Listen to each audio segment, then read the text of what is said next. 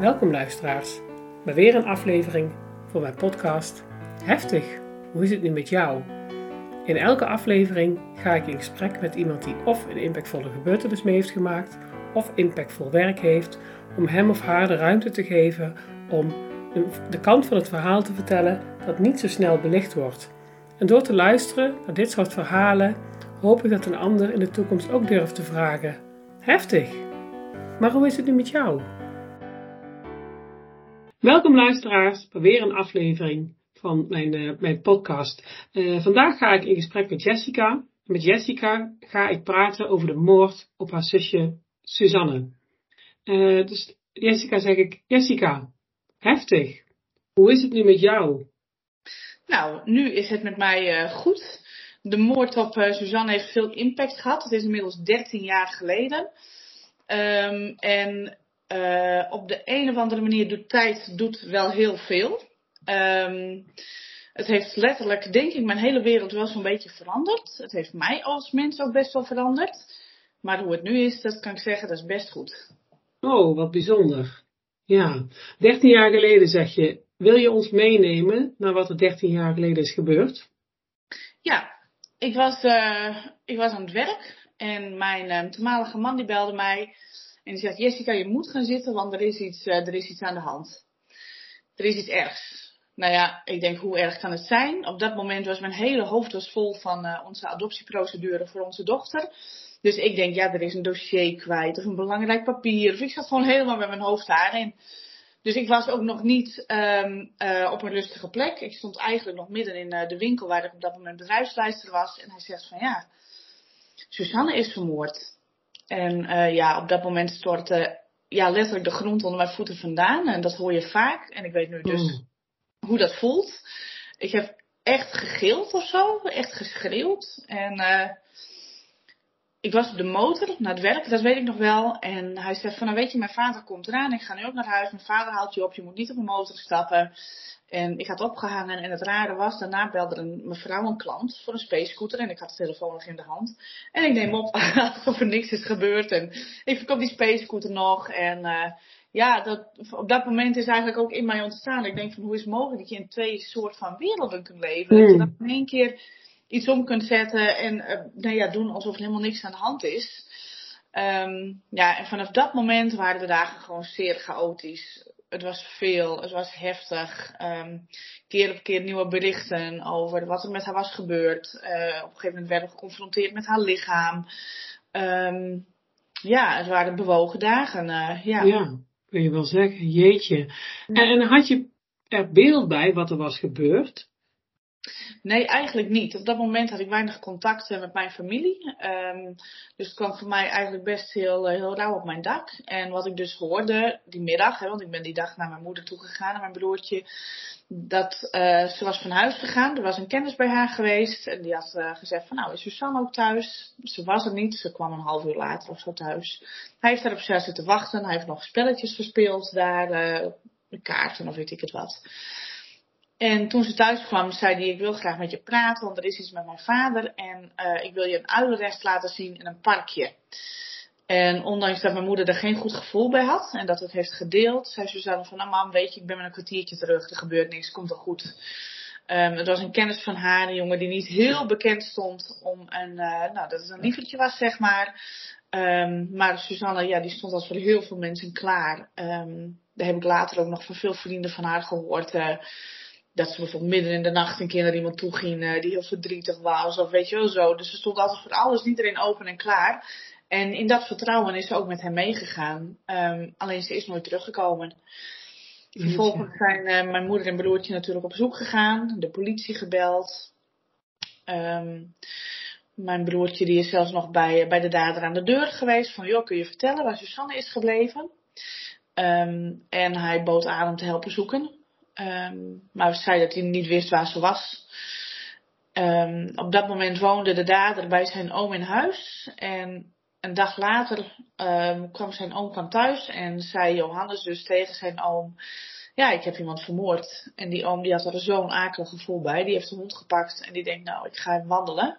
Maar hij wandelde naar het politiebureau. en toen was het heel snel natuurlijk de melding van mijn moeder plus de melding van deze oom. En toen hebben ze hem ook direct opgepakt. En uh, moest hij vertellen waar ze was. Um, nou ja, hij gaf van jullie kunnen toch niks meer voor haar doen. Maar hij wilde niet zeggen waar ze was. Dus uiteindelijk heeft hij, uh, hebben ze hem in de auto gezet en zijn ze gaan rijden. En zeg maar gewoon waar ze is, want we moeten dat weten. Um, en toen heeft hij het aangewezen waar ze lag. Het was in een parkje, het Tolhuispark in Dokkum. Vlakbij het politiebureau. Vanuit daar uh, kun je het politiebureau gewoon zien in principe. Oh. Ze zijn de bosjes ingegaan. Um, en er was inderdaad een beetje in dat parkje, in die bosage, een open plek. En er was inderdaad erboven een nest. Het was geen uilennest, maar een, een duivennest. En daaronder is ze dus um, ja, vermoord. Met een uh, moker is haar hersenpan uh, ingeslagen. Ja. Jezus, wat een verhaal zeg. Oh, dus je geeft ook aan, je moeder had al geen goed ja. gevoel bij. Zo'n ja. soort onderbuikgevoel noem ik het dan maar. Ja, ja. En hij bedenkt om naar, naar huis te gaan, op haar te wachten. Ja. En ik wil je iets laten zien. Ja. En daar. Ja. Ja, en dat maakt ook dat de rechters, hè, er is de, de rechtszitting, die rechter die heeft ook uh, moord uitgesproken. Hè, dus ja, dit was je gewoon van plan. Mede ook omdat hij eigenlijk alleen maar vreemde dingen in zijn rugtas had. Hij zei dat hij dat nodig had voor klussen. Het gaat om een hamer, het gaat om een mes, het gaat om touwen, het gaat om tape. Um, dus, maar die rechter zei ja weet je, niemand kent jou bij wie je zou gaan klussen. Er is niemand die dat kan bevestigen. Dus het is moord, zonder TBS. Um, en hij is een hoger beroep gegaan, maar ook het OM, uh, de officier van justitie is een hoger beroep gegaan. En daar is dus doodslag uitgesproken, omdat zij vonden dat ze het niet hard konden bewijzen dat het dus uh, bedacht was van tevoren. Ja, dat is belangrijk, hè? Voorbedachte raden. Je ja. moet van tevoren een plan hebben, wil moord ja. tegen jou uitgesproken ja. worden. Ja, ja, of tenminste je eigenlijk niet meer hebben kunnen bedenken om het niet te doen. Hè? Dus een opwelling is een opwelling en doen. Dat is eigenlijk doodslag. En moord is, oh, dat, ik, ik ben zo kwaad, ik ga dat doen. Je denkt er nog een paar keer over na. En dan ga je het toch nog doen. En um, de, het, het hoge beroep is dus uitgekomen dat zij van ja, het, hij, had, hij zegt dat zij een opmerking heeft gemaakt over zijn vader, waardoor hij zo kwaad werd, die hamer pakte en haar hersenpan insloeg. Daar is toen wel TBS uitgekomen. Dus de zaak, de, de zitting was, hè, de, de tijd dat hij moest gaan zitten was langer. Um, maar er is wel TBS bijgekomen. En dus voor die tijd is dat best heel bijzonder geweest. Het is een van de eerste keren in Nederland. Mhm. Uh, omdat hij niet had meegewerkt aan onderzoek in het Pieter. Hè? Dus er waren niet Ja. hele rapporten over zijn uh, gezondheid, zeg maar, uh, De geestelijk. geestestoestand. Precies. Um, maar toch hebben ze gezegd van ja, weet je, als je dit kunt, dan, uh, dan, ja, dan zit er iets niet goed. En dat heeft ook te maken met het feit dat hij twee uur nadat hij haar hersenpan heeft ingeslagen, uh, hij is eerst bij haar weggegaan. Hij hoorde haar zwaar ademen en wist gewoon ze gaat overlijden. Dus hij heeft haar alleen achtergelaten. Ze is daar gestorven en twee uur later is hij teruggegaan en heeft seks gehad met haar levenloze lichaam. Ah, gastie. Uh, ja, en dat maakt wel dat de TBS-maatregel is, is opgelegd, ja. Ja, dan moet je wel een hele zieke geest hebben, hè? Ja, dat Ja. ben ik overtuigd. Ja. Ja, ja. Ja. Ik zeg Oeh. wel eens, ik, ik wil dingen niet goed praten, maar ik denk doodslag. Ja, weet ik niet, maar dat kan ons misschien allemaal overkomen. In een opwelling, of in een enorme heftige ruzie, of in een bui, of, of op stap, of ik weet het niet. Hè? Dat je iemand een Hmm. verkeerde klap geeft en dat loopt finaal verkeerd af. Totaal niet bedoeld. Ja, ik snap wat je bedoelt. Ja. Hè, dus eh, begrijp me niet verkeerd, want ik wil niet Nee. goed praten, maar daar kan ik ergens nog met mijn verstand bij komen. Dat je iemand laat liggen, dood laat gaan, zwaar wordt ademen en alleen laat sterven en twee uur later teruggaat. Ja, en, en ja, nou ja, dat dan nog doet. Daar, Er moet er veel mis zijn in het hoofd ik van goed in. die Nee, persoon. daar, daar ben ik van overtuigd. Ja, Gelukkig dat hij TBS heeft gekregen. ja. Hoe is het dan voor jullie dat hij dan uiteindelijk toch Nou, flink bestraft is? En, en wanneer zit er dan een genoegdoening? Want je zus komt niet terug. Nee, maar het gaf mij een heel veilig gevoel, nog steeds. Ja, dat hij niet vrij rondloopt, uh, geeft mij gewoon een veilig gevoel. Ja. ja. Dat hij niet in de buurt is, dat hij, uh, nou, dat hij niks kan doen. Ik weet dat hij voor de moord nog naar mij heeft gevraagd bij, uh, bij mijn zusje. Van, oh, je hebt toch ook een zus? En uh, nou, zie je die dan wel eens, weet je wel, op die manier. Dus ik, ik heb er een beetje een akelig gevoel bij, ja. Ja, kan me voorstellen. Ja, want vraag je je dan af van hoezo? Waarom vroeg hij dan naar mij? Ja. Ja, ook. Ja. Ja, en ook omdat hij ja, in mijn beleving zo gestoord is als wat. Toen ik het voor de eerste keer zag in de rechtbank, want ik dacht van hoe ziet nou een moordenaar eruit, hè? En ik heb uh, toen, de politie heeft mij ook uh, een foto laten zien op een gegeven moment. Dat ik echt van, nou, hoe is het mogelijk? En toen ik hem zag in de rechtszaak, dacht ik echt, ja, het klinkt heel raar, maar wat ben jij een sukkel? Ik gewoon, ja. hoe, hoe kun je zoiets, zo iemand als jij, waarvan, die, die ik op straat gewoon geen kwartje zou geven, hoe kun, je, hoe kun jij zoiets doen? Ja. ja. En dat vraag je dan ook af hoe Suzanne met hem in contact kwam, of waarom ze dan toch dat contact met hem geen idee. Ik heb dat wel eens gedacht, maar dat dacht ik bij wel meer dingen uh, van haar, weet je wel. Waar maak je bepaalde keuzes? Maar ja, dat, dat is wat het is, ja. Ja. Heb je daarna nog verdiept in hem? Wie is hij? Waar komt hij vandaan? Nee. Nee. nee. Heb je juist... Ik heb ook geen behoefte aan ooit een, eh, een, confrontatie met de dader of een gesprek met hem. Um, ik heb wel gevoelens van uh, wraak gehad. Boosheid en angst. Dat zijn wel de drie heftigste emoties wat het met mij heeft gedaan. Uh, die angst die is eigenlijk altijd wel gebleven. Recent ben ik daar nog mee geconfronteerd. Ik lag op bed hier thuis en mijn dochter was thuis. En ja, ik, ik zou zweren dat er inbrekers in huis waren. Ik hoorde mm. iemand in de hal, toen hoorde ik daar wat. Ik hoorde een ronkende motor, ik hoorde stemmen fluisteren ja, ik denk hier is een inbreker. En normaal dan bel ik naar mijn vriend en dan ga ik met hem aan de telefoon het huis en is het weer goed, weet je wel. Maar ik kon hem niet bereiken. Dus uiteindelijk ik zo bang. Ik heb 112 gebeld. Dus ik, ik dacht, ja, hier kon echt wel eens wat aan de hand zijn. Dus toen ben ik daar weer eens echt mee geconfronteerd. Ik van, ja, die angst die zit er echt nog wel in. Gewoon een verlammende angst. Ja. Uh, heb ik weinig last meer van. Want voorheen durfde ik niet meer in het donker over straat. Überhaupt alleen over straat vond ik eng. Veel achter me kijken. Dat is allemaal veel minder geworden. Maar dit stukje is toch wel gebleven. Ja, ik noem dat ergens ook een stukje rechtsschade. Ik denk, er is gewoon iets heel, heel ergs gebeurd. Ja. En dat, dat is in mijn lijf gaan zitten. Ja, dat klopt. Dat, dat is ook zo. Je, ja. je, je hoofd registreert van alles, maar het gaat vastzitten in je lijf. Ja. ja. En, en kun je verklaren waarom al die andere reacties dat je daar heel goed mee om kunt gaan. Dat je er weinig last van hebt. Um. Um, nou, eigenlijk heb ik mezelf een paar dingen voorgenomen. Toen dit was gebeurd, dacht ik, ik wil later uh, dat werk gaan doen. Ik ga een switch maken in mijn leven. Maar ik heb ook gelijk gedacht, hij gaat niet mijn leven nog meer beïnvloeden dan strikt noodzakelijk, zeg maar. He, dus eh, ik heb dat gelijk mezelf voorgenomen. Mijn leven is het nog wel waard om geleefd te worden. En ik ben geen slachtoffer. Ik ben een zus van een slachtoffer. Um, en juist daarom ja, nog meer uit het leven willen halen. Ja. Ja. Nou, ja. wat knap. Ja. ja er zit er wel een boodschap in, denk ik. Ja, ik, ik gun hem dat niet. En ik vooral niet, niet om hem, maar ik gun mezelf meer dan de rest van mijn leven in de mineur blijven zitten. Ja. Wauw, wat knap. Ja. Ja. En je hebt een flinke switch gemaakt, hè? Van, van, van de speelgoedbranche ja. Ben je in de begrafenisbranche gaan werken, hè? Ja, ja, ik wist dat direct na de uitvaart. We hadden twee uitvaartbegeleiders, een man en een vrouw. Mijn ouders waren gescheiden en die konden niet heel goed uh, samen overleggen. Dat zegt ik nog vrij zacht. Dus het waren een man en een vrouw. De vrouw die deed bij mijn moeder de hele tijd het woord en de man deed bij mijn vader het woord. En nou, met al is het best een knappe uitvaart geworden. Um, en ze waren echt de rots in de branding. Uh, die, die vrouw die, die had ik ook wel eens één op één contact mee aan de telefoon. Van goh, weet je, ik heb een caravan. Zou die anders bij uitvaartcentrum neerzetten waar ze ligt. Weet je, dan kun je dichter bij haar zijn. Ja, ik was doodsbang, dus dat wilde ik niet. Maar dat idee, dat ze zo meedacht. En, en dat vond ik heel fijn. En op de dag van de uitvaart weet ik nog dat ik tegen mijn toenmalige man zei, uh, ja, dit werk ga ik laten doen. Dat wist ik toen. Dus ze waren een rots in de branding voor mij. Maar ja, ik heb net al een stukje verteld over de rechtszittingen en het hoge beroep. En uh, later is hij nog in cassatie gegaan. Dus dat hele proces duurde zo lang. En alles wordt zo overhoop getrokken iedere keer. Tussendoor heb ik altijd wel geleefd. Ik heb, hè, mijn dochter heb ik nog geadopteerd uh, uit Sri Lanka. Daar zijn we oh, wow. een jaar na de moord.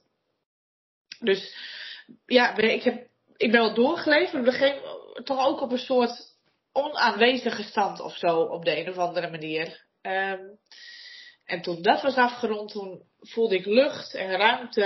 En ik had tussendoor ook nog een HBO-studie gedaan, die was afgerond. En toen dacht ik van, nou, dit is denk ik wel het uh, moment om uh, de switch te maken. Er werd gereorganiseerd bij het bedrijf, dus ik ben in gesprek gegaan van, kan ik er ook op een prettige manier uit?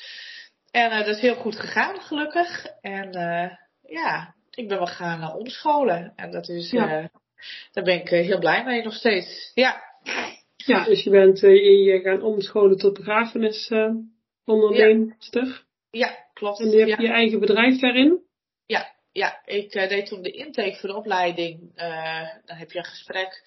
En ik weet nog wel, ik toen zei van ja, eigenlijk heb ik een missie. Ik wil eigenlijk iedereen die te maken krijgt met onverwacht overlijden, wil ik ja, de, de, dat, die uitvaart zou ik graag willen doen. Omdat het anders is. Dus elke mm -hmm. in mijn lijf voelde wel van het is anders.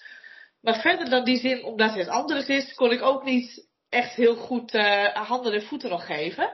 En dat is in de loop der jaren is dat natuurlijk enorm gegroeid door eigen ervaringen in mijn werk, door uh, gesprekken met collega's, ontzettend veel gesprekken met nabestaanden uh, die ik heb gevoerd. Niet alleen voor moord, maar ook zelfdoding, ongevallen. Ja, wat, wat is nou eigenlijk nodig? En wat heb je vooral die eerste dagen nodig om echt het verschil te kunnen maken? Um, en uh, ja, dat, uh, dat doe ik nog steeds. Mooi. En wat doe jij dan anders? Ja, ten eerste is vooral de rust heel belangrijk. En uh, bewust worden van jouw rol. Kijk, jij bent degene als uitvaartondernemer die elke dag over de vloer komt. Um, in het geval van moord heb je natuurlijk ook veel te maken met slachtofferhulp. Die zijn er veel. Ook weer met hun eigen vakgebied. Uh, dan heb je te maken met familieregisseurs. Maar er is één persoon die komt elke dag en dat ben jij. En jij bent bezig met dat overleden lichaam bijvoorbeeld. En je hebt maar een paar dagen met dat lichaam. En dat moet wel zo eigen worden dat je daar ook bij durft te zijn. Dus als iemand tegen mij zegt: uh, Oh ja, ik, ik, ik, wil hem niet zien, ik wil hem wat houden zoals die is. Ja, dan gaan we de komende dagen echt even op zoek naar de bodem. Wat zit erachter? Want je weet gewoon hoe helpend het kan zijn om dat wel gezien te hebben. Hmm. En soms heeft dat wat langer nodig. En um, het is voor mij zo simpel. En ik zeg ook niet dat anderen het niet goed doen. Maar ik weet wel dat er genoeg mensen zijn die er overheen stappen. Of die zeggen van ja, dat lichaam, dat, dat is zo lelijk. Dat was tegen, tegen mijn moeder ook gezegd over mijn zus. Ze is zo lelijk. Ja, uh, als je het hebt over de kracht van, woorden, van woorden, is dat natuurlijk, dat, dat zeg je niet tegen de moeder, hoe de dochter er ook uitziet, weet je wel. Nee, het komt bij mij ook heel erg binnen. Ze was heftig toegetakeld. Ja, maar dat is iets anders. Nee, ja. volgens mij was het een hele mooie dame, die lelijk toegetakeld was. Precies. Maar ja, Suzanne was zo lelijk, werd gezegd. En ik hoorde het laatst ook tijdens de cursus van, ja, weet je, als ik het al niet kan zien, ja, hoe, hoe kan die familie dat dan wel zien? Ja, en daar kan ik goed handen en voeten aan geven. Waarom dus wel? Um, net als een stukje ontzorgen van nabestaanden is een visie van heel veel uitvaartondernemers.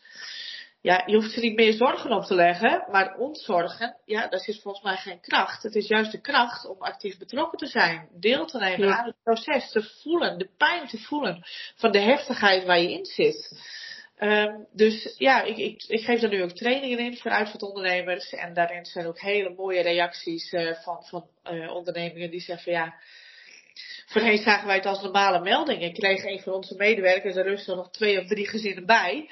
Daar stoppen we nu mee. Als zo'n melding binnenkomt, is dat ook hetgene wat diegene doet en er komt niks meer bij. Uh, er zijn ook ondernemers die zeggen ja, dit past dus eigenlijk helemaal niet bij mij. Dit zijn niet de uitvaarten die ik wil doen. Ik doe ze voort naar een ander toe. Dus er is binnen de uitvaartbranche daar ook wel wat, uh, wat gaande op dat front. Ja. Ja. Nou ja, mooi. En ik vind het ook uh, mooi als iemand zegt, nou dit past niet bij mij. Ja, ik begin er dan ook niet aan. Ja, mega krachtig. Ja. Ja. ja. Dus jij hebt je in het wereldje, zeg maar, uh, min of meer gespecialiseerd in de ja. ingewikkeldere situaties. Ja. ja. ja. Kunnen we elkaar de hand wel schudden? Ja. Ja. En wat ik doe vanuit de psychosociale nazorg, de ingewikkeldere situaties, hè, doe jij vanuit, vanuit die hoek. Ik denk het had ook maar een fractie gescheeld of ik was in die hoek gaan werken. Ja, snap ik. Ja. Soms mis ik ook wel wat. Dan denk ik van, ja weet je, ik ben maar zo kort in beeld. En het verhaal is zoveel langer. En ik weet daarin ook zoveel te bieden. En aan de andere kant denk ik, nee, dit, dit is mijn ding. En voor het andere zijn weer andere mensen. Um, alhoewel daar ook best weinig in is. Hè. Er zijn ontzettend veel rouwbegeleiders, rouwtherapeuten, rouwmevrouwen, uh, weet ik het allemaal. Hè? Die zijn echt te kust en te keur. Ja. Maar als het gaat om deze situaties, weet ik weinig mensen naar wie ik de families kan doorsturen. Ja. Uh, het zijn vaak, ja, je, je, doet een cursus of je doet geen cursus. Je bent zelf je vader of je moeder van 90 verloren, wat heel veel impact heeft gemaakt. En met alle respect. Ook dat maakt impact, ook dat verandert je leven. Ja. Absoluut. Maar het is anders, want er komen andere complexiteiten bij kijken. En wanneer je kijkt naar uh, rouwprocessen van mensen die te maken hebben met onverwacht overlijden, ja, veel mensen lopen gewoon vast in complexe rouw, omdat daar. Ja. Omdat er geen afscheid genomen is eigenlijk. Hè? Dus er, er zijn geen gesprekken gevoerd uh, uh, hoe je over naar het leven kijkt. Of, of afscheidsgesprekken. Of, of ja, ja, er is niet ik had laatst ook een weduwnaar die eigenlijk zichzelf niet een nieuwe liefde gunde. Want dat had zijn vrouw nooit gewild, want ze waren samen één. Dat soort dingen. Er, Ja. is, kunnen, er is niks afgerond. Ja. Dat maakt het voor nabestaanden gewoon ontzettend moeilijk. Ja, ja dat klopt. En, en alles is, uh, is cyclisch in het leven. Je hebt te maken met de welkom. Je hebt te maken met het afscheid. Dus afscheid, het grote afscheid van het leven. Ja. Ja, en, en, en dat is juist zo ingewikkeld bij moord of bij zelfmoord. Hè, de kans op complexe rouw is ook uh, veel groter bij dat soort situaties Absoluut. dan wanneer je weet dat jouw dierbare komt te overlijden. Absoluut. Ja. Ja. De gedachten zijn er vaak ook helemaal nog niet geweest. Bij zelfdoding is dat toch wel iets anders. Niet altijd, maar soms is daar best wel angst. Hè? Van, oh jee, zou die zichzelf ooit wat aandoen? Ja. Lang niet altijd, want er zijn ook mensen die zijn echt verbaasd dat het gebeurt. Hè? Maar kijk, bij, bij een ouder iemand, wanneer je vader uh, 70, 80, 90 wordt, ja, dan ben je toch met je hoofd er al een keer naartoe gegaan. Of je erover hebt gesproken met diegene, ligt ook heel erg aan hoe ben je als mens of als gezin? Maar je hoofd is er wel al een paar keer geweest. En wanneer je Ja. ziek wordt, uh, je bent jong of ouder, ja, dan, ga, dan, dan gaan de gedachten van de partner, de kinderen daar ook naartoe. Hè? Van ja, er Ja. is het moment dat hij er niet meer is. En ja, dat schijnt toch wel heel helend te zijn in een rouwproces, uh, op de Ja. een of andere manier. Ja. En uh, dit biedt ook heel vaak, het neemt ook heel veel vragen met zich mee. En uh, bij zelfdoding ook. Hè? Van ja, wat, wat is nou aan de hand geweest? Wat zat er in zijn hoofd? Hoe kan dit nou opeens? Uh, bij moord is dat ook. Hè? Dat, er blijven altijd heel veel vragen. Uh, wrok en boosheid. Hè? De, de emoties waar ik het ook over heb gehad. Ja, en wanneer dat de overhand krijgt en houdt, dan kan het beslag gaan leggen op, uh, ja, op je dagelijkse doen. Ja. Ja, Ja. en dan, dan kom je dus in een complex rouwproces. Ja. Ja, ik, ik kan dat ook heel goed volgen. Maar wat heb jij dan anders gedaan, zodat het bij jou juist ergens iets van kracht naar boven is gekomen? Geen idee. Geen idee. Nee. Dat weet ik echt niet. Ik heb laatst een uh, interview gehoord met uh, Jos de Keizer. Hè, dat, is een, uh, nou ja, dat is wel de persoon als het gaat om traumatisch verlies. En dat ging dan Ook over. leraar, hè? Ja, ja. En dat ging dan over twee zussen. Uh, die zijn eigenlijk een hele familie kwijtgeraakt met een ramp met de MH17. En die twee meiden die zijn heel sterk. En nou ja, die, die, die pakken het leven weer op. Die beschrijven nu ook een boek. En hij werd geïnterviewd en die interviewer zei van ja, ik denk er van ja, jullie krijgen de klap nog wel. En hij zegt van ja, hij zegt, ja dat, dat denk ik dus niet, want zij zijn echt wel heel bewust in de rouw en ook in de rouw geweest. Maar toch ook met een bepaalde stappen naar voren. Hij zei, ik zie hun eigenlijk een beetje als uh, de Johan Cruijff binnen de voetbal. Zijn hun, uh, ja, de, de, de twee zussen die gewoon heel goed kunnen rouwen samen. Ja. Uh, dus ik denk ook dat het een stukje persoonlijkheid is. Uh, wat heb je verder in je rugzakje? Uh, heb je veel uh, veerkracht al moeten tonen in je leven? Hè? Dat, dat scheelt misschien ook. Uh, ja, ik heb geen idee. Soms is het een opstapeling. En ja, bij mij was het meer, uh, ja. Ik, ik ben ook vrij snel aan het werk gegaan. Werk geeft mij ook altijd structuur en kracht. Ik geef aan mijn werkgever wel de, ruimte. Hè? Dus je mag weer aan het werk, maar wel ze wat iets zeggen tegen ons. Dus dat was ook een hele fijne manier om het leven weer op te pakken natuurlijk. Er lag geen druk. Ja, en we zaten ook zomaar weer, ja, we zaten een jaar later zaten we in Sri Lanka uh, zes weken om mijn dochter op te halen. Dus oh. ik denk ook dat die dingen mij er echt wel doorheen hebben geholpen, zonder dat ik eraan voorbij ben gegaan. Want ik heb alles echt wel doorvoeld. Ik heb dagen op bed gelegen, dagen dat het gewoon niet lukte. Ja. ja. Is ook heel eerlijk, hè? Ja. ja, je zegt een aantal uh, hele wezenlijke dingen, hè? ook vanuit de werkgever. Hè? Dat de werkgever jou de ruimte gaf en ja. jou de regie Ja. gaf Ja. van, uh, Ja. Jessica, wat heb jij nodig? En we hebben uh, wel vaak de neiging om voor de ander te denken. Ja. Dus werkgevers denken voor de ander, oh, het zal nog wel niet lukken, of je moet het zus doen, of je moet het zo doen, terwijl het gaat echt wel om eigen regie. Ja, Ja. absoluut. Dat er niet wordt getrokken, niet wordt gepusht, niet wordt ingevuld.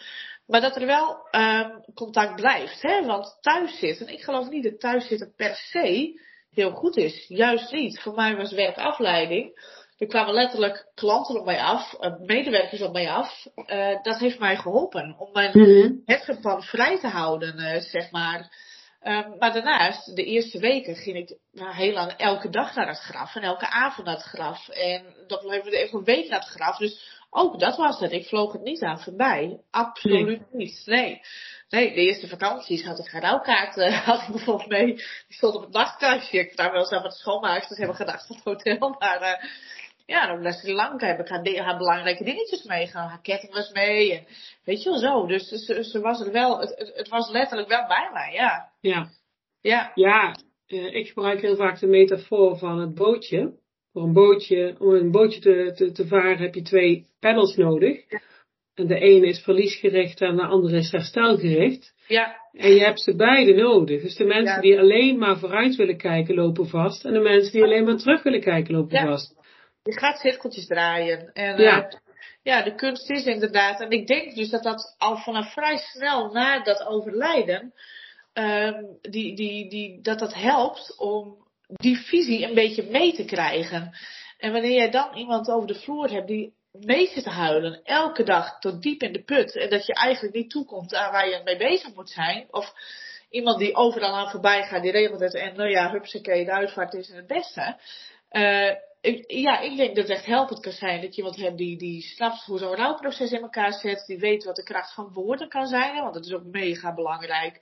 Die uh, ja, stimuleert het actief deelnemen van, van het hele verhaal. Ja, Uh, uh, die uh, actief bezig is met vertrouwd raken met de situatie, met het lichaam. belangrijk is om herinneringen, blijvende herinneringen te bewaren. Om steeds weer later terug te kunnen pakken op ja, oh ja, dat was er echt. Dat hebben we echt gedaan. Ja. ja. Ben je dan um, in die periode na het uh, overlijden van je zus ook uh, organisaties, instanties, mensen tegengekomen die dat juist heel goed deden? Of juist het tegenovergestelde? Ja, beide. Ja. ja. Wat ging er heel goed? Uh, wat ik zie wat heel goed kan gaan, is dat mensen niet zich focussen op de uitvaart, maar op het afscheid nemen. Als je een uitvaartondernemer hebt die daarmee bezig is, die snapt het verhaal. Die snapt dat de kracht niet ligt in een mooie uitvaart, of de grote toeters en bellen, de honderd ballonnen de lucht in, of de grote bekende artiest die komt optreden, helemaal niet. Um, wat minder goed gaat, is dat er uh, ja, uitvaartondernemers komen die bijvoorbeeld meerdere uitvaarten in één week moeten regelen, waar gewoon beperkte tijd is, waarbij beperkte keuzes zijn, waarbij dingen in één of twee gesprekken geregeld worden. En ja, dat, dat zie ik nog steeds vrij vaak, ja. Ja, dat heb je dus ook meegemaakt. Ja. En dan ja. voel je dat die uitvaartondernemer ook nog andere ja, ik, ik heb ze ook in mijn cursus, uh, hoorde ik ook wel dingen. Ik denk, wat ben ik blij. Wat ben ik ontzettend blij dat jij hier zit. Dat je dus blijkbaar wel voelt dat die situaties anders zijn, maar er geen handen en voeten aan kunt geven wat je dan zou kunnen doen. Dus daar ben ik gewoon heel dankbaar voor, dat juist die mensen uh, de trainingen ook volgen, ja. Ja. Wat, welke missie heb je met je training? Dat iedere nabestaande in Nederland die te maken krijgt met onverwacht overlijden, keuze heeft uit een uitvaartondernemer die, uh, nou ja, uh, goed in, in zijn vak staat. Die dit stukje van het vak goed snapt. Ja. ja. Dat is wow, een mooie missie. Ja. Maar wat is je ambitie nog voor de toekomst? Ja, het liefst, als ik gewoon, uh, het liefst zou ik willen, hè, ben je bijvoorbeeld ook uh, binnen de uitvaart heb je uh, een tak die doet vooral kinderuitvaarten of babyuitvaarten. En ja, dat predicaat, dat mag uh, plotseling verlies ook hebben. Ja. Dat iedereen snapt dat het anders is en dat je dan naar een uitvaartondernemer gaat die er ook echt verstand van heeft, die er kennis van heeft, die voldoende ervaring heeft in gewone uitvaarten, maar inmiddels ook in uitvaarten en in deze situatie. Ehm, dat het binnen uh, de, de bevolking van Nederland ook bekend is. Hè, het verschil tussen het ene verlies en het andere verlies. Ehm, dat misschien wel rouw meer ruimte krijgt in de maatschappij, meer bekendheid. En dat betekent niet aan de kant van het slachtofferschap, dat het zo zwaar is. Maar wel een beetje uit de boesfeer. Dat er gewoon na drie jaar nog steeds een keer een dag kan zijn dat je heel waardeloos voelt. Dat mensen makkelijker uh, nou ja, dingen ook durven te uiten in hun naaste kring. Ja. Ja. Um, er is wel wat gaande in het land, hè? Op dat gebied. Ja. Um, zo is er ook geprobeerd om rouwverlof uh, door, uh, erdoor te krijgen. Ja. Dat, hoe kijk jij er tegenaan? Nou, rouwverlof als zijnde zwangerschapsverlof, dat je een bepaalde tijd vrij kunt krijgen na je werk. Dat is dus niet wat ik, uh, wat ik per se stimuleer, omdat het bij mij, en het hoeft bij een ander natuurlijk niet, maar bij mij heeft het juist geholpen om wel nou, vrij snel weer aan het werk te gaan uh, uh, met goede begeleiding van, van mijn werkgever. Um, voor een ander hoeft dat niet zo te zijn. Hè? Ik hoef het bijvoorbeeld niet aan nalatenschap af te wikkelen. Als dat heel complex en ingewikkeld is en bijna een dag over de taak, dan kun je niet fulltime aan het werk gaan. Een week of twee weken na de situatie. Mhm. Ik wil niet zeggen dat iedereen per se weer aan het werk moet, maar per se thuis zitten is ook niet goed. Dat, dat geloof ik niet. Um, dus rouwverlof, eh, ik denk dat het heel zinvol kan zijn, maar wel zo in te vullen naar wat nodig is. En ik denk ook met de juiste begeleiding en sturing. Hè? Dus dat niet iemand, uh, oh ja, nou, ik heb nog zoveel rouwverlof, uh, nou laat me dat maar eens even gaan opnemen. Nee, absoluut niet. Maar dat er wel een, een deskundige is die daarin kan sturen. Van, goh, weet je, wat, is nu handig, wat heb je nodig? Dat er meer binnen werkgevers bekend is over rouw. Hè? Wat doet rouw met medewerkers en waar kun je juist helpend en ondersteunend zijn daar zie ik ook enorme verschillen. Uh, hè. De een die heeft na een week zijn werkgever alweer op een dag van, nou ja, de uitvaart is geweest, uh, kom je weer.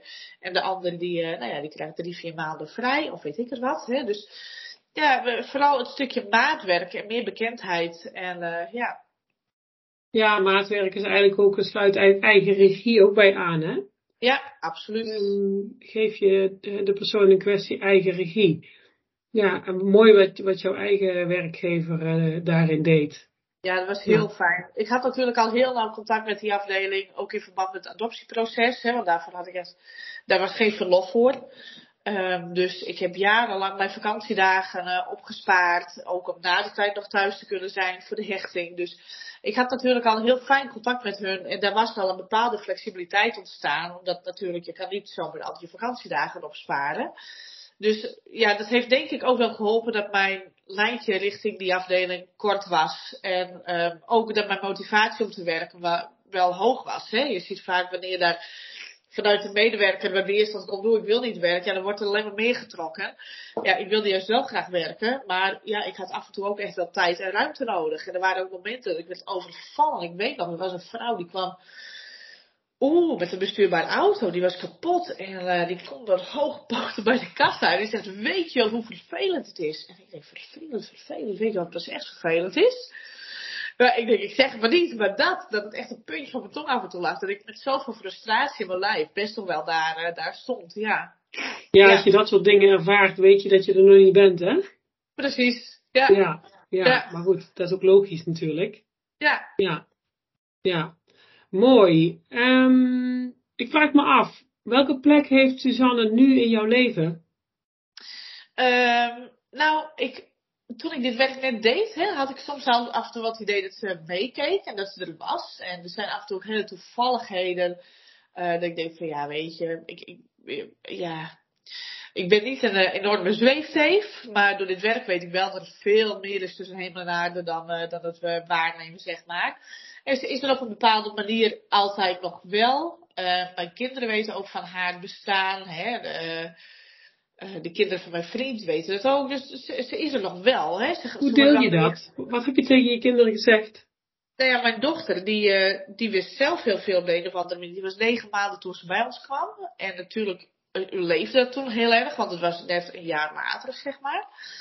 Ik weet nog, toen waren we twee en we reden langs de begraafplaats. En zei mama, hier ligt dan Susanne. Hé, hey, ja, want ze was wel eens mee geweest. Ja, zegt ze, had een heel zeer hoofd. Hè? Ze is ook heel hard gevallen. Ja, die dingen heb ik nooit benoemd. Ik heb dat nooit, oh. hebben er nooit niet benoemd. Wat bijzonder. Dus er was, de, weet je, dus ik denk altijd, ja, er is toch, er, er is gewoon veel meer. En of je daar nou heel erg in gelooft of niet, ik heb het haar niet verteld. Ze heeft het van mij niet gehoord en niet kunnen weten. Nee. nee. Dus ik ben er ook altijd vrij open in geweest, dacht ik. Totdat ik werd geïnterviewd door uh, het blad Vrouw van Telegraaf. En het blad lag hier in huis. En dat is pas twee jaar terug. Drie jaar terug dat Sora, mijn dochter, kreeg het blad. En inmiddels kon ze lezen. Mama, dit heb je mij nooit verteld. Waarom heb je mij dit niet verteld? Dus ik had wel verteld dat ze vermoord was. Maar er stonden toch details in die zij niet wist. Waardoor ik zelfs vanuit mijn werk, dat ik denk, je moet kinderen altijd betrekken. Ze kunnen veel aan, vertellen het op hun manier, wat, wat bij de leeftijd past. En toch was ik daar zelf op een bepaalde manier aan voorbij gegaan. Dat zij ja. een blad moest lezen. Dus ja, niks menselijks heel vreemd. Ook ik ben maar een mens en uh, heb dat dus niet heel handig gedaan. Nee, ja. nee, ja, dat is mooi dat je daar reflectief naar kunt kijken. Maar uh, ik hoor vooral de boodschap die jij geeft aan ouders, aan de volwassen wereld, zeg maar, om kinderen zo goed mogelijk te betrekken. Ik hoor ja. het nog heel erg vaak dat volwassenen kinderen willen beschermen en dat is logisch. Maar alles wat dan op een andere manier het hoofd van het kind binnenkomt, komt harder binnen. Ja, klopt. Ja. Ik had laatst een uh, familie, die, die vrouw was 40 en haar vader was overleden. Ja, ze zei, ik wil echt niet zien, want ze werd er altijd bij weggehouden. Haar hele leven. Dat was eng, dat, dat, dat was de dood. En uh, dan moest je naar kijken. En ja, dan overlijdt je vader of moeder. En als je dan opeens, uh, 40 jaar, is er op die manier tegen je gepraat. Ja, dat is niet heel helpend natuurlijk. Nee. Nee. Dan moeten kinderen leren hoe je met de dood om moet gaan, hè? Ja. En het is natuurlijk... Ja. Um, niet te willen dat het zo'n heftig verhaal is. Hè? Dan mag je hopen dat het kinderen niet overkomt. Maar dat is niet de realiteit. Nee, nee, klopt. Klopt. Ja. Ik heb nu ook uh, met de kinderboekenwinkel hier in Leeuwarden. Dat is een, uh, ja, een hele fijne winkel is dat vind ik altijd. Die hebben ook echt wel wat met rouw geef je voorlichting op scholen uh, over hoe betrek je nou de dood het leven van een kind. Hè? Dat begint eigenlijk al de vogeltje die tegen het raam aan vliegt en niks meer doet. Wat is nou eigenlijk dood en wat doet het dan niet meer? En weet je, doe dat maar van jongens af aan. Het hoort gewoon bij het leven. We gaan allemaal een keer. Ja, en we hopen allemaal dat het een uh, overgrote oma of een oma is. En niet een vader, moeder, broer of zus. Maar ook dat kan gebeuren. Ja. Ja, ja. en dat de dood niet uh, slapen is, hè? Precies, ja, dat hoor je ook nog zo vaak. Ja. ja. ja. We doen dat vaak om onszelf te beschermen. De vragen maar niet te hoeven beantwoorden. En het tegendeel bereik je eigenlijk. Ja. Absoluut. Absoluut. Ja. ja, super mooi hoe jij daar uiteindelijk je totale missie van hebt gemaakt. Om van de speelgoedbranche uiteindelijk in de begrafenisbranche te gaan werken. En daarin te specialiseren in uh, hele ingewikkelde situaties, heel, ingewikkeld, heel ingewikkelde uitvaarten. Ja. Mooi. Ja. Ja. Ja. Prachtig. Um, ja, de, de plek waar het is gebeurd, ben je daar nog ooit geweest? Is dat een plek voor jou? Ja, ja. Knikt heel erg, die belangrijk ja, is? daar had ik ook behoefte aan. Vrij snel, uh, in de week tussen de, de moord en de uitvaart, wilde ik precies weten waar het was. Dus zijn twee regisseurs met mij uh, de bossages ingegaan, hebben ze precies laten zien waar het was, zeg maar. Uh, want het is toch voor mij een plek waar zij leven heeft moeten verlaten in haar ja. eentje, in het ja. donker, in de kou, met heel veel pijn. Um, dus het is voor mij wel een heftige plek, maar wel een plek die ik heel belangrijk vind. Ja. Ja, ja. Oké. Okay. Ja. Wandel daar op een sterfdag of op haar verjaardag. Vaak meer de sterfdag wandel ik daar eens even uh, langs, zeg maar. Of ik ben daar even, ja. Ja. Mooi. Belangrijk. Indrukwekkend. Ja. ja. Ja. Moeilijk om in woorden te vatten, hè? Ja. Als je nou zo terugkijkt op die 13 jaar en uh, nu we zo in gesprek zijn, is er iets waarvan je zegt, ja, daar zou ik nog heel graag de wereld in willen slingeren, dat wil ik meegeven, een soort boodschap. Je hebt al heel veel boodschappen gegeven, maar heb je een soort afsluiting, want dan gaan we zo meteen afronden. Nee, ja, dat is toch dat je, het, het klinkt wat egoïstisch, maar je moet altijd jezelf centraal stellen in dit verhaal. Dus niet de dader, en ik denk ook niet de overledene, want het klinkt heel hard, die is er niet meer. Um, maar jij moet wel verder. En kijk vooral naar wat jij nodig hebt. Uh, ik vond het eerst altijd heel moeilijk om bijvoorbeeld uh, over uh, Suzanne te praten. Toen ik dat voor het eerst deed in De Vrouw van de Telegraaf. Toen uh, voelde dat lastig. Want ik denk, ja, nou ga ik ja, over haar rug mijn verhaal vertellen. Had ik moeite mee. of de naam van de dader weet Ja, dat kan ik toch niet maken. Maar ik denk, ja, why not? Dit is gebeurd, dit is wat het is. -hmm verder. Dus zet jezelf centraal en wat jij nodig hebt. Een deel in je rouwproces aan je naaste wat, uh, wat erin omgaat. Dat is ook heel belangrijk. Want dan kan er afstand komen door, uh, doordat je denkt dat je het zelf moet doen, kan heel veel afstand komen. Ja, ja mooi wat je zegt. Doordat je denkt dat je het zelf moet doen, komt er juist afstand. Ja, absoluut. Ja. ja. En zo'n zo'n dader, heb je ooit nog iets vernomen van zijn familie of zo? Nee, ja. Ik ben zijn zusje ooit eens voorbij gekomen op een feestje ergens. En uh, ja, ik, ik, ik heb er niks mee. Ik, ik, uh, ik voelde eerder wat, wat, nou ja, ja, ik weet het niet. Ook even. Eerst vond ik al een boosheid van, nou ja, weet je wel, je bent familie van hem, dus ga weg. En mm ja, weet je, jij kan er ook niks aan doen, ik kan er niks aan doen dat ik de zus van Suzanne ben, jij kan er niks aan doen dat jij de zus van Johannes bent. Um, en uh, ja, oh, het is ook logisch dat zij achter hem staan, want het is hun broer. Hè? Dus ik, ik kan dat nu heel goed beredeneren, dat zij die kant zouden kiezen, dat ze er wel naartoe gaan. Dat snap ik. En dat is ja. door een uitvaart die ik heb gedaan van een familie van een dader. Niet de dader van, uh, van uh, uh, Suzanne, maar wel een dader van een moordzaak. En ik trof daar de familie. En ja, er zit bij ons in ons gezin iemand in de, in de gevangenis. En ik had eerst nog helemaal niet door hoe of wat. En later had ik door van, oh, dat is die zaak geweest, ja. En toen zijn we er ook over in gesprek geraakt. Want zij zei van ja, je hebt ook wat meegemaakt. Ja, ik zei jullie ook. En door hun verhaal te horen en te weten hoeveel impact het heeft gehad op hun leven, ben ik een stuk milder gaan kijken naar de familie van Johannes. Ja. Ja. Oh, mooi. Ja, want ja, vanuit het familiesysteem kun je ook niemand uitsluiten. Nee. Uh, maar, en, ja, maar ja, je kunt wel uh, de, de daad uh, afkeuren. Nou ja, dat zullen ze ongetwijfeld ook doen. Ja. Maar het blijft wel je broer. En je broer heeft ook een andere kant. Ja, dat is heel ingewikkeld. Ja, ja, ja. maar ik, ik snap dat wel steeds beter en steeds meer. Ja. Ja, ik denk ook wel dat je dat uiteindelijk dan een, een, een rijker mens maakt als het je lukt om er zo naar te kijken. Dat denk ik ook. Dat vind ik wel heel knap. Ja. Ja. Ja. En ja. dat mag je jezelf gunnen, hè? Dus ook daar toch gun jezelf om ergens anders naar te kijken. En als dat niet goed voelt, is het ook goed. Maar gun jezelf ook eens om een stap verder te kijken. Ja. Ja, ja dat vind ik hele mooie woorden. Gun jezelf om een stap verder te kijken. Ja. Ja. En ik, toch uh, weet ik vanuit lotgenotengroepen dat het heel, heel moeilijk is voor heel veel mensen. En dat die ja. Ja, amper uh, op, op zo'n punt ooit komen. Omdat ze altijd in dat boosheid en die pijn, in het onrecht vooral, blijven, ja. blijven zitten. Ja. En dat snap ik ook. Alleen, ja, dat, dat brengt jezelf uh, niet verder in het leven. En dat is wel heel erg spijtig. En ik vind het heel mooi dat, ondanks alles, ondanks de pijn die je elke dag voelt van het, de afwezigheid van je zus, dat je zelf als persoon verder bent gekomen in het leven en dat je zelfs daar anderen in, in meeneemt door uh, nu op een heel precair stuk een hele goede begrafenisondernemer te zijn. Ja. Mooi. Mooi, heel mooi. Daar ben ik heel dankbaar voor. En het is niet dat ik. Laatst zei iemand van ja, je mag wel. Eigenlijk is het wel.